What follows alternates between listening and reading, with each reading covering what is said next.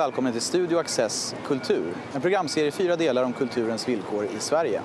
I dagens avsnitt kommer vi att diskutera varifrån kulturen egentligen får sina pengar och går de verkligen till rätt saker? Med oss i studion idag har vi Sanna Reimann, debattchef på Dagens Samhälle och Lars-Anders Johansson, författare, trubadur och chefredaktör för tidningen Smedjan. Lars-Anders, du är författare till boken Att dansa efter maktens pipa som är en uppgörelse med svensk kulturpolitik. Hur ser du på det här med att eh, de flesta teatrar och museer är finansierade med skattemedel? Så det finns ju ett antal risker när den offentliga sektorn får allt för stort inflytande över kulturlivet. En sån uppenbar risk är ju att när det är en dominerande finansieringskälla att det leder till likriktning både vad gäller de estetiska uttrycken men också vad gäller de budskap och perspektiv som förs fram. En annan stor fara som jag varnar för i min bok det är ju detta med att det kan leda till politisering av eh, eh, konstens innehåll. Att då de förment fria och oberoende institutionerna i själva verket blir ett slags megafoner för då de ideologier som för tillfället är rådande i, i samhället. Och sen då den tredje uppenbara risken som följer av de här två första, det är att Eh, de kvalitetskriterier som finns inom olika konstnärliga fält eh, riskerar att hamna i andra hand och att man istället då bara försöker tillgodose politiska kriterier. Till exempel eh, att projektbidrag är villkorade utifrån ett antal politiska kriterier. Och det främjar ju då eh, ett slags aktivism snarare eftersom då de som är verksamma inom de här genrerna är lyhörda efter vad finansiärerna är ute efter. Eh, Sanna, du började ju din karriär eh, inom teatern. Ja. Jag har sökt många bidrag. Sökt många bidrag. Mm. Vad är dina tankar kring det Lars-Anders berättade nyss? Um, nej men jag tror också att det skulle, kulturlivet i stort skulle tjäna på att ha en, en större flora av pengar, så att säga. Det kom pengar från fler håll. Uh, just för att det blir nog kanske en, en större mångfald då. Ehm, men också för att det blir Eh, det, det, risken är nog att det blir lite enahanda, att det blir en typ av, av, Man vänder sig alltid till samma entiteter, till staten eller kommunen eller staden eller vad det nu kan vara. Eh, och där har man kontaktpersoner, man vet vilka de är. Man vet, alltså det, det, blir väldigt snabbt ett kotteri. Sen tror jag att det är svårt i ett land som Sverige att hålla sig ifrån det där att du har en, en väldigt liten bransch och du vet vilka alla är och du vet vad de tycker och du vet vad du ska säga till dem för att få dem att tycka om dig och sådär. Det, det är väl lätt hänt överlag. Så är det nog i en kultursfär i ett litet land. Men jag tycker att det här systemet med skattefinansiering det har ändå uppkommit av ett skäl. Det finns ju till exempel argument för att kulturen blir mer tillgänglig för alla om den är skattefinansierad. Som till exempel en av reformerna som eh, den sittande regeringen har genomfört är att eh, det nu är gratis inträde på de flesta statliga museer. Kan det vara en bra sak? Det här har ju visat sig att de kulturpolitiska målen som man satte upp på 70-talet när man la grunden till den moderna kulturpolitiken i Sverige, de har ju egentligen aldrig följts upp och utvärderats. De målen var ju ett slags riktlinje för hela kulturpolitiken. Men det man kan se det är ju att i princip samma ja, på 70-talet talade man om socialgrupper. Då. Det är kanske ett lite nattståndet ord, men det är samma grupper i samhället som går till de här stora kulturinstitutionerna fortfarande. Och om man då ska ta de här kulturpolitiska målen från 70-talet på allvar, då har ju 40 år av kulturpolitik inte haft någon effekt överhuvudtaget för att uppnå den typen av mål.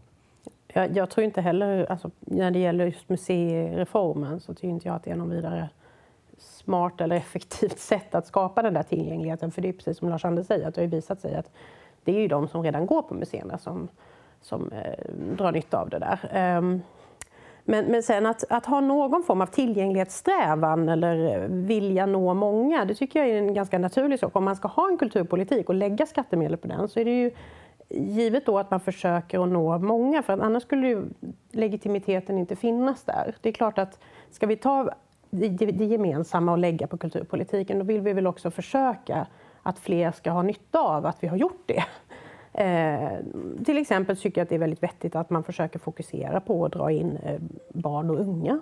Att liksom bli vana kulturkonsumenter genom att ta dem till teater via skolan eller att det kommer föreställningar till skolan och sånt där.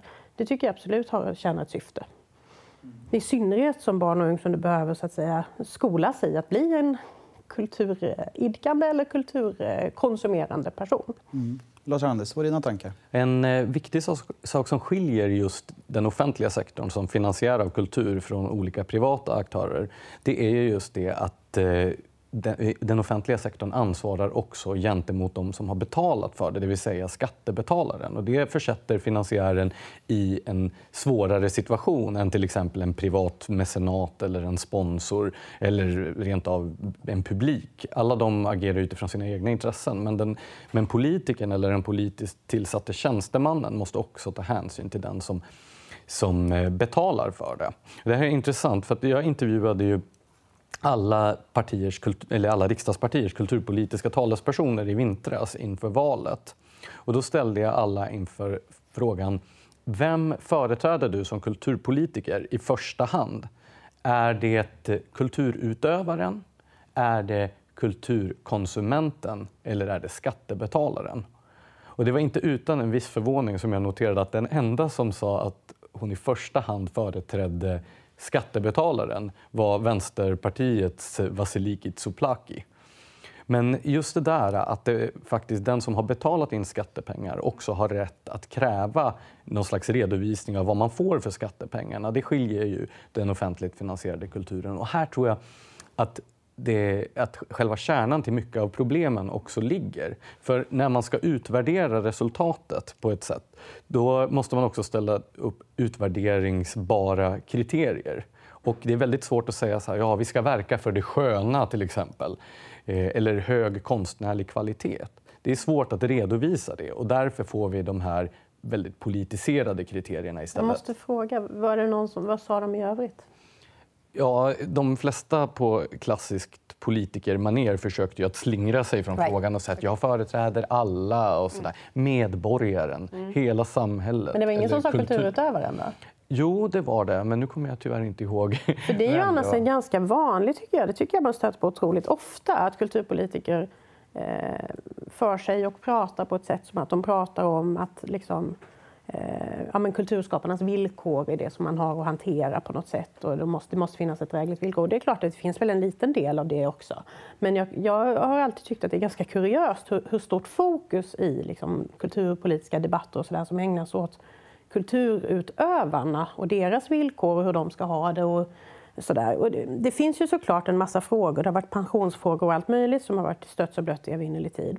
Och, och, och, det blir en politisk fråga delvis därför att många, är, inte minst är anställda vid institutioner som är statliga och så vidare. Men, men det är någonting lite märkligt med att ha den ingången. Och många kulturutövare i sin tur har ju också den ingången att de på något sätt anser att nu har jag ju fått gå på scenskolan gubevars och då måste jag ju i princip vara garanterad en födkrok här framöver.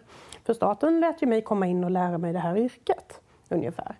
Att man betraktar det som att man faktiskt är någon slags evinnerlig offentliganställd. Och riktigt så kan det inte fungera i en kulturbransch. Det måste ju finnas en konkurrens.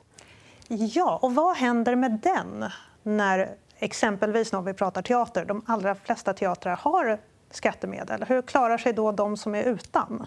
De verkar ju klara sig ganska bra. Okej. Okay. Du menar de privatteatrar och liknande? Eller? Ja, till exempel. Eller hur, vad händer med nya som vill komma in ja. i branschen? Nej, men det är ju desto svårare. Men det, det handlar väl, alltså för, för deras del, om man nu vill slå sig in i finkulturen så är det väl relativt svårt, skulle jag säga, att kunna bära sig. Det är inte så lätt. Du skiljer på privatteatrar och finkultur? Ja, det gör jag. Nej, men det, det är klart att det finns en skillnad. Ehm, det finns smal kultur och det finns bredare kultur med större tilltal. Och så är det ju. Och den, skulle, det finns väl ingen som skulle komma på tanke egentligen att ge jättemycket stöd, kulturstöd till eh, ja, vad det nu är som går. Ehm, med Peter Jöback och Pernilla Wahlgren och så vidare. Därför att vi vet att det kommer busslaster till Stockholm och vill titta på det. Ehm, så att när man pratar om kulturpengarna och kulturpolitiken så handlar det väl egentligen om det där vi ändå någonstans ser att det bär sig inte. Det står inte på egna ben. Eh, och det skulle oavsett vilka pengar man, man sen önskar sig att det skulle, skulle pumpas in där. Om vi nu säger att nej, men vi vill inte att staten ska lägga in så mycket pengar, vi skulle vilja att en mecenat gör det istället. Ja, fine, men det är fortfarande någon som går in med pengar för att vi förstår att det inte kommer bära sig självt. Fast det här eh, blir också en fråga om vad som är hönan och vad som är ägget. För det offentliga fungerar ju i många sektorer just som en slags konkurrensförstörare. Mm, Jag har ju sett det här i musiklivet, där, ja, om vi säger smalare genrer, där artister kan få turnéer betalda av Riksteatern till exempel, mm. vilket gör att arrangörerna ute i landet då kan få kraftigt subventionerade turnéer till sina olika etablissemang. Och då är det i princip omöjligt för någon som försöker verka på den fria marknaden mm. att konkurrera med de här skattefinansierade turnéerna. Och då blir det ett slags monopolställning. På samma sätt fungerar länsmusiken runt om i Sverige. Och det paradoxala med det här det är att skattefinansieringen kan leda till att det i slutändan blir ett mindre utbud inom vissa genrer för publiken eftersom då alla de aktörer som inte har tagit sig fram till de offentliga köttgrytorna i princip slås det ut. Där skulle jag säga att det där är delvis en effekt lite på samma sätt som public service av att det, det blir en för stor frestelse Först säger vi för att kunna tillgodose, för att kunna ha en bredd, för att kunna ha också det smala så ska vi pumpa in skattepengar. Ja, och sen kan man ändå inte låta bli att göra jättemycket mello eller jättemycket underhållningsprogram på tv eller någonting och få in jättemycket tittarsiffror och sådär. För att vi, staten har en väldigt otydlig styrning. Man säger å ena sidan att vi måste göra det här för att vi ska liksom kunna ha kvaliteten och det smala. Å andra sidan så går man ut och säger fast ni måste leverera jättehöga tittarsiffror och en väldig publik. Eh, så att det är lite det där att man inte riktigt kan bestämma sig. För någonstans kan jag tycka att ja, men om vi bestämde oss för att vi ville ha det smalare får vi väl stå ut med att vi har pyntat för någonting som det kommer 30 pers på ibland. Ehm, eller inte. Och ska vi gå åt andra hållet, vill ha jättemycket publik, ja då kommer vi få liksom en riksteater eh, hiphopkonsert som turnerar landet runt. Och det är rätt onödigt, för den hade förmodligen kunnat klara sig ändå. Å andra sidan kan det ju vara också i det smala där den här konkurrensförstörande effekten blir som störst. Jag tänker på de här försöken att etablera seriös pratradio på mm. marknadens villkor i Sverige har ju inte fungerat just för att eh, Sveriges Radio är så extremt dominerande. Är det en sån extremt seriös pratradio? Ja, nej, men åtminstone så dominerar de ju hela den marknaden. Jag tänker så här, om det när den fria pressen växte fram under 1800-talet hade funnits en statlig tidning som då delades ut överallt hela tiden, mm. gratis till människor, hade det gått att etablera tidningar på det sätt som skedde då på den fria marknaden? Mm. Jag tror inte det. Så att jag tror de här människorna som är jätteoroliga då för att public service tappar i förtroende de, jag tror de är fel ute när de tror att det inte skulle finnas kvalitetsmedier utan public service. Ja, det finns, det, just där finns det ju mecenater dessutom på mediesidan. Jag tänker så här, är vi för låsta i vårt sätt att tänka när vi diskuterar olika finansieringsvillkor eller former för kulturen? Alltså jag tänker att ena sidan vill att allt ska vara statligt och andra sidan vill att inget ska vara statligt. Att det bara ska vara marknaden. Jag tror att de flesta ändå föreställer sig att det ska kunna finnas en kombination. Så jag vet inte vad du det... Vill du ha bort allt eller? Alltså, det som slår mig när jag har pratat med kulturpolitikerna det är ju att det i princip inte är någon skillnad överhuvudtaget i, mellan partierna i synen på vanligt. kultur. Ja, men, bara så här, de två senaste åren så har vi fått en mer och mer infekterad kulturdebatt och kulturpolitisk debatt. Till exempel om mm. museernas politisering och identitetspolitik och aktivism vid offentliga institutioner. Och sen lyssnar man på kulturpolitikerna. Då är det som att hela den här debatten aldrig har ägt rum. Så partierna missar de konfliktlinjer som finns. Vad gäller just finansieringen så upplever jag väl inte att det finns två sidor där en vill att marknaden ska sköta allt och en vill att det offentliga ska sköta allt. Utan snarare att alla vill att det ska vara precis som det har sett ut sedan 1974. Det som har funnits är ju på högerkanten en strävan att man har velat öppna upp och bryta upp och att det ska komma mer. Alltså det finns väldigt mycket prat om att man vill att det ska komma in mer mecenatpengar, mer sponsring, att man vill att den finansieringsformen ska kunna komma till och under Lena Liljeroths tid som minister så pratar de mycket om att det ska bli en större kaka kulturpengar. För att man ska inte dra ner på, för det var hon ju jättenoga för hon vill inte skrämma någon. Och vi ska absolut inte dra ner på kulturstödet från, från statens sida men vi ska se till så att kakan blir större. Det var liksom lockropet sådär. Ehm, och jag tror att det där är lite sådär det beror lite på vilka kulturformer vi pratar om. Men vissa kulturformer tycker jag redan man ser att det finns mer privata pengar och intressen i konst. Det finns flera konsthallar som öppnat senaste decenniet eller åren. Eh, privata, fotografiska också. så det, det tillkommer ju en del, även på mediesidan, sponsorer av olika sajter och bloggar och kvartal eh, liknande.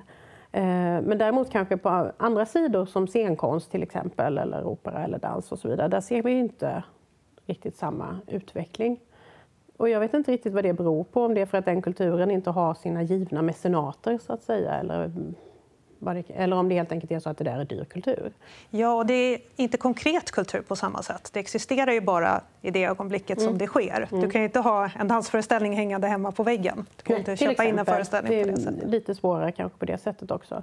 Så att det, det kanske är så att vilka, vissa kulturformer nästan naturligen kommer att dra åt sig mer, mer eh, privata pengar. Eventuellt, jag vet inte, nu spekulerar jag bara. Men, men eh, och att där kanske det privata initiativet kommer från ett annat sätt. Utan där, där kanske det snarare tar sig uttryck i privatteatrar som faktiskt går runt.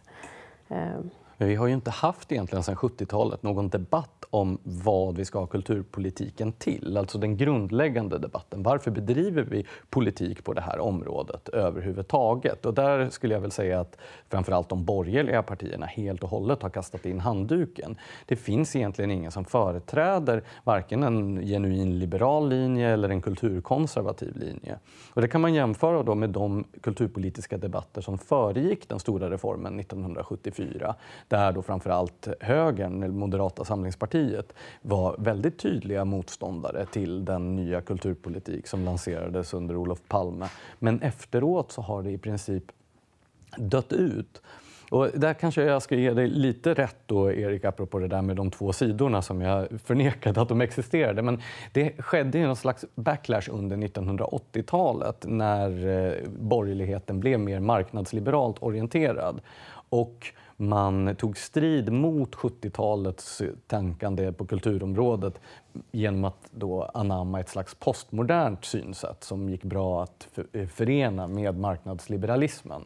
Man, kunde, man skulle kunna säga egentligen att Sverige gick från en situation med en ganska kulturkonservativ arbetarrörelse och en kulturkonservativ borgerlighet fram till någon gång i mitten på 60-talet till en situation med en kulturradikal arbetarrörelse som dominerade kulturpolitiken och en postmodern kulturradikal borgerlighet. Så det, det fanns inte längre något slags kulturkonservativt eller klassiskt liberalt perspektiv kvar i kulturpolitiken. Jag tycker ofta att det har funnits en lite mm, förvirrad hållning inom borgerligheten så tillvida att man, man det blandar och ger lite beroende på vilken debatt som pågår just nu. Så där. Att det, ibland så betonar man eh, bildningsbiten och kanske då att kulturen är viktig i synnerhet för barn och unga och att det finns en slags grundläggande samhällelig vikt som man lägger vid att det ska finnas kultur och kulturpolitik och sådär. Och, och i den diskussionen då, då är man ganska på det klara med att ja, och då måste vi stoppa in lite pengar här. Eh, men sen finns det ju andra tillfällen då man, då man tycker någonting annat, så att säga, då man antar den mer marknadsliberala hållningen och sådär. Så att det spretar ju lite grann kan jag tycka. att Det har, har varit lite oklart genom... Sen, om man ska se i Stockholm så försökte ju eh, Madeleine Sjöstedt att bryta upp stödformerna en del. För att, jag, menar, jag har själv verkat både på institutionsteater och på fria, fria grupper och sådär. Och saken är den att frånsett storlek på scen och, och, och antal publikplatser och sådär så är det egentligen ingen jättestor skillnad i eh, Alltså det är klart att Stockholms stadsteater sitter mycket tryggare för de är Stockholms stadsteater, de kommer alltid finnas där och så vidare. Men någonstans är det ju så att även, även frigruppsteatrarna vet ju att de kommer få Även om de söker varje år så vet de ju att ingen tänker plötsligt bara välta omkull och så säga att nej men nu finns inte den, den scenen längre, den har funnits sedan 80 någonting. Så att det finns ju ändå en, en ganska sådär, de där strukturerna, även om de på ytan är nu ska du söka ditt projektstöd, så är det ju att man prenumererar på bidrag, att man vet att man kommer få det om man är kompis med de som delar ut det eller i alla fall bekant om man bjuder dem på sina premiärer. Allting är så himla invanda stigar. Ehm, och det är svårt också att ifrågasätta det, för många av de här scenerna är kanske bra och levererar bra kultur och det kanske inte är något problem. Men det gör ju att det cementerar, för du har ju återigen kakan, du har ju en kaka. Och det är svårt för någon annan att komma in då om alla projektstöd är upptagna, tingade på förhand mer eller mindre. Eh, och Madeleine Sjöstedt försökte bryta upp det där och det blev ett väldigt buller och bång. Det var väl 2011 eller 2012 eller något sånt där. Vad hände? Ja, men alla blev ju jättearga. Dels så krävde hon mer... Eh... Förlåt, skattebetalarna, kulturutövarna? Eller? Kulturutövarna. Ska vi se vem Madeleine Sjöstedt är också för tittarna? Ja, folkparti, eh, kulturpolitiker för Folkpartiet i Stockholms stad var det då. Så det var just här som stödformerna... Och delvis var, handlade det om tillgänglighet Eh, och tillgänglighet kanske då för kulturutövarna. Att det skulle vara lättare att komma in och bli en aktör i, en kultur, i kulturbranschen. Men det skulle med nödvändighet också innebära att det skulle kanske bli lite lättare att bli av med ett stöd ibland. Att man kanske inte kunde förvänta sig och, eh, alltid, alltid, alltid bara få samma och sådär. Eh, och det blev ju ett väldigt hallabaloo kring det där och alla var väldigt upprörda av, av de fria grupperna i synnerhet. Då. Eh, inte bara över eh, att det bröts upp men också hon adderade ju väldigt mycket utvärdering. Med, med, eh, med hänvisning då till att man kan inte hålla på och skriva ut checkar in blanco till kultur. Man har inte större rätt till skattemedel som kulturutövare än som någon annan. Utan det här måste redovisas och då vill vi veta Eh, och då var det väldigt mycket eh, man ville veta om så här, vilka kommer på era föreställningar, vad är könsfördelningen? Så att man, man på något sätt försökte med en, en väldigt detaljerad typ av styrmedel gå in och kräva eh, av kulturutövarna att de tänkte på vad de gjorde för kultur och att de skulle tänka på medborgarperspektivet. Att de skulle också tänka på att jag måste tänka på att inte bara kvinnor kommer eller inte bara män och de kanske inte bara ska vara från innerstan utan att man skulle börja försöka få in det där. Och jag tycker att det där är så intressant för att när man är i kulturkretsar på seminarier och sånt där och bland kulturutövare, bland kultur, människor som är verksamma i kulturen så han, pratar de ju jättemycket om representativiteten och att de måste få det är fel publik, vi måste få rätt publik, vi måste få en annan publik, det ska vara en annan ålder, ett annat kön och en annan hudfärg eller vad det nu kan vara. Eh, men när Madeleine Sjöstedt envisades med att de skulle skriva upp allt det där på en blankett för att börja tänka på det, då var det jättedåligt. Eh, och det är ju lite också lite skevt kan man tycka. Men där finns ju också den där dubbelheten från borgerligheten att man å ena sidan så vill man att det ska finnas eh, en höjd och en konstnärlig autonomi och att man vill inte ha för mycket styrning från staten. Men när man sen skulle försöka och då hamnade man i en väldig blankettpilleri. Eh, så att det, ja. Jag skulle säga att det här illustrerar ju eh, dels då borgerlighetens problem i, det kulturpolitiska, i den kulturpolitiska sektorn och dels återigen vad som är problematiskt med offentligt finansierad kultur. Om vi tar detta med borgerligheten först så har man ju försatt sig själv i en väldigt obekväm situation. Och det är ju för att de kulturutövare som har offentligt finansierade plattformar har en väldigt stark position i offentligheten. Och att ta strid mot dessa individer kostar ju på. Det här är några av de mest inflytelserika opinionsbildarna som vi har som använder sina offentligt finansierade plattformar till att opinionsbilda för sin offentliga finansiering. Och där kan man ju se, så fort en borgerlig politiker gör en ansats att ta strid. Det gör ju å andra sidan välfärdsföretagen också. Ja, absolut. Jag säger inte att det här är unikt för den här sektorn. Men jag skulle nog säga ändå som opinionsbildare eh, jag kommer inte på någon välfärdsföretagare som har lika många eh, Twitterföljare som Jonas Gardell, eller Özz Nujen eller Nej. Alexandra Pascalidou. Det, det, här är offentliga personer med väldigt starka plattformar. Eh, och det gör att borgerligheten, som ju är strykrädd sedan årtionden tillbaka har valt att hellre låta bli att ta striderna. Och när det börjar blåsa upp... Jag menar, när eh, Fia Stegö blev utnämnd till kulturminister så dröjde det ju inte alls många dagar innan man offrade henne för en, i jämförelse med skandaler som ministrar i nuvarande regering har varit med om var en ganska banal sak egentligen. Men Lars-Anders, då måste jag fråga dig. Eh, vad är drömscenariot nu? Varifrån ska pengarna komma? Hur ska kulturdebatten hanteras? Vad ska vi göra? Ja, det var många frågor i en där. Men om vi börjar med detta, hur ska kulturdebatten hanteras? Så tycker jag att vi måste gå tillbaka till den grundläggande frågan. Varför bedrivs det politik på kulturområdet? Och där tycker jag att de olika partierna måste ransaka sig själva, sin ideologiska utgångspunkt och fråga sig ja, men hur kan vi driva en kulturpolitik utifrån vår egen övertygelse? För det försöker man göra mer eller mindre på andra politikområden. Men på något sätt är det som att 1974 ska få fortsätta i evighet inom just kulturpolitiken. För man är rädd att utmana konsensus just där av anledningar som jag just, eh, just nämnde. Och det finns ju alltså, eh, om man frågar personer... Vad menar du med 1974 nu? Alltså bara att vi har kulturpolitik? Det är kulturpolitiska system som grundlades då. Men vad reformen. finns det för olika sorter? Jag, jag kan inte riktigt se. Alltså... Jag redogör i eh, boken för då tre, fyra stycken kulturpolitiska idealtyper som en kulturekonom som heter Harry Hillman Chartrand formulerade 1989, har jag för mig att det var. Eh, som i korthet då är eh, underlättarmodellen. Det kan man säga är väl den kulturpolitik som amerikanska staten har bedrivit. Det vill säga genom skattelättnader till donationer och så vidare vill man göra det lättare för privata aktörer att finansiera kulturlivet.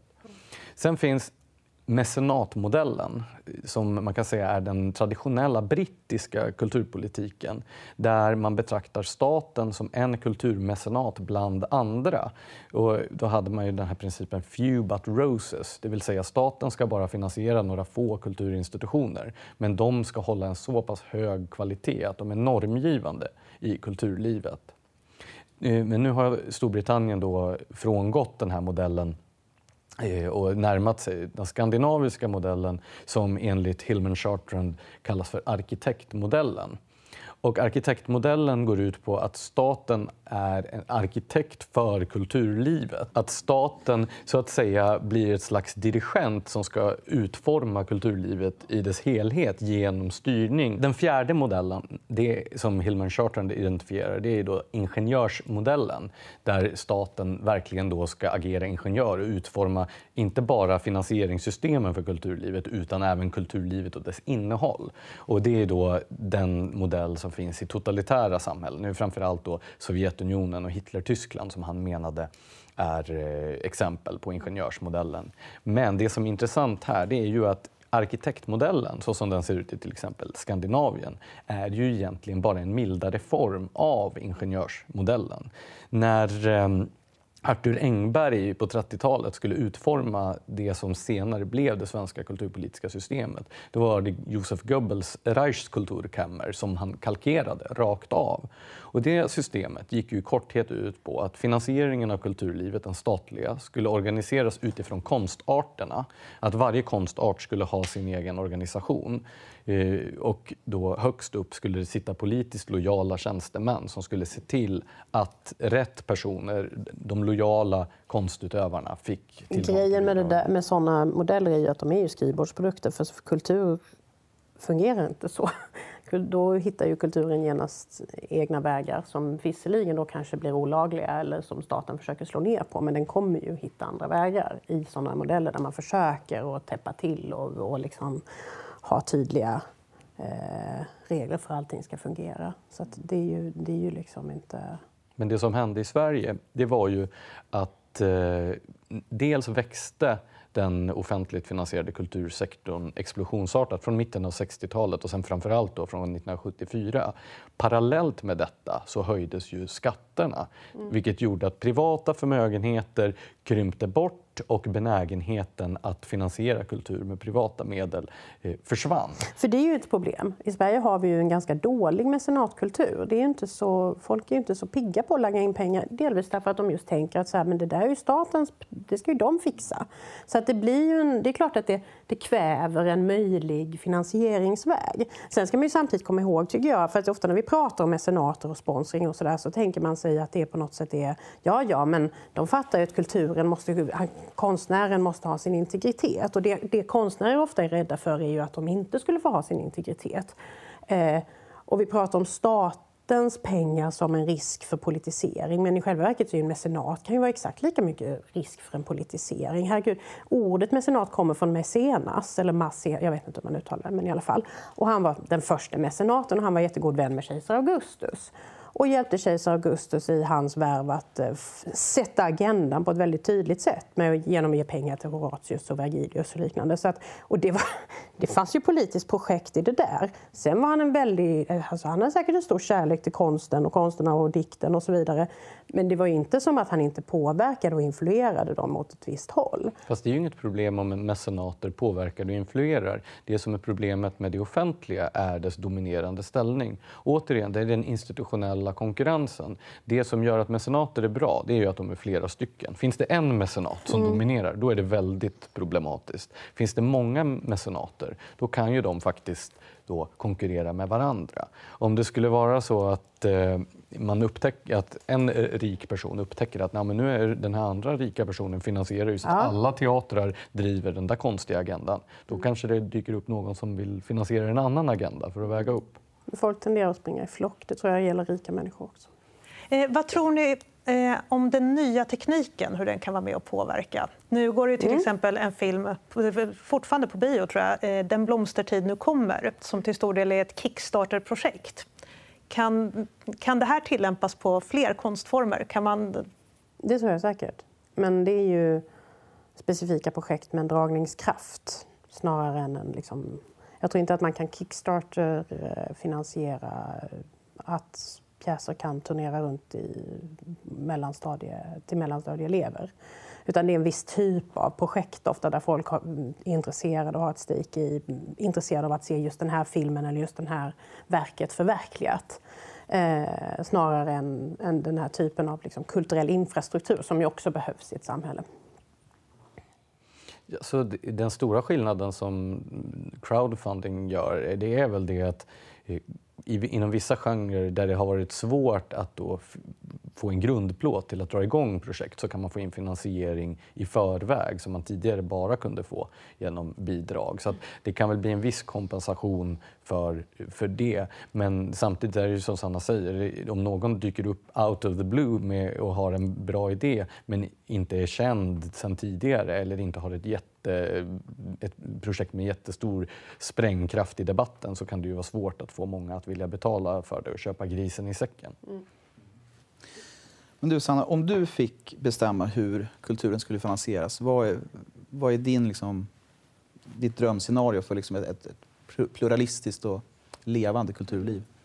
Ja, nej, men det är ju det här att jag tror att det både behöver finnas en viss mån av offentlig grundplåt och så, men att det vore väldigt bra om Sverige i synnerhet eftersom vi har en väldigt dålig tradition av privata pengar eller mecenater och sådär. Så att det hade varit eh, det, och där tror jag säkert att den typen av, av, idéer som Lars-Anders var inne på lite grann också med att man på något sätt eh, försöker ha skattelättnader till exempel för att gå in och, och stödja kultur och sådär.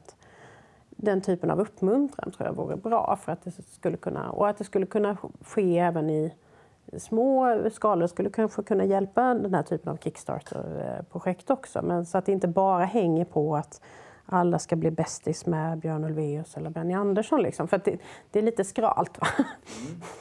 Lars-Anders, eh, vad, vad skulle hända om alla kulturbidrag togs bort imorgon? Skulle vi inte ha någon kultur kvar? Nej, det tror jag ju inte skulle hända. Däremot så tror jag ju att den där typen av drastiska förändringar... Ju, alltså, jag är ju emot alla former av revolutioner så jag tror att det, det, skulle bli problematiskt på många sätt. Däremot så tror jag ju... Jag menar, det är ju inte så att samhällen som inte har den skandinaviska kulturpolitiska modellen saknar ett kulturliv. Snarare kan man väl säga att det är tvärtom. Men det jag kan tycka är problematiskt med då kritiken som oftast riktas mot den här omfattande offentliga finansieringen, det är att man bortser från då behovet av långsiktiga, tunga institutioner. Jag skulle gärna se att det fanns fler då, till exempel stiftelseägda institutioner som utgjorde en motvikt både till de offentliga som då per definition alltid blir politiserade, hur man än försöker med armslängds avstånd och så vidare, och då marknadsdrivna institutioner som ju per definition alltid är kortsiktiga eftersom publiken alltid är kortsiktig. Det är ju så marknadens dynamik ser ut. Så det behövs institutioner som både är privata och långsiktiga. tycker jag också. Då får jag tacka er jättemycket för att ni kom hit. Tack Lars-Anders Johansson och tack Sanna Reimann. Och tack för att ni har lyssnat.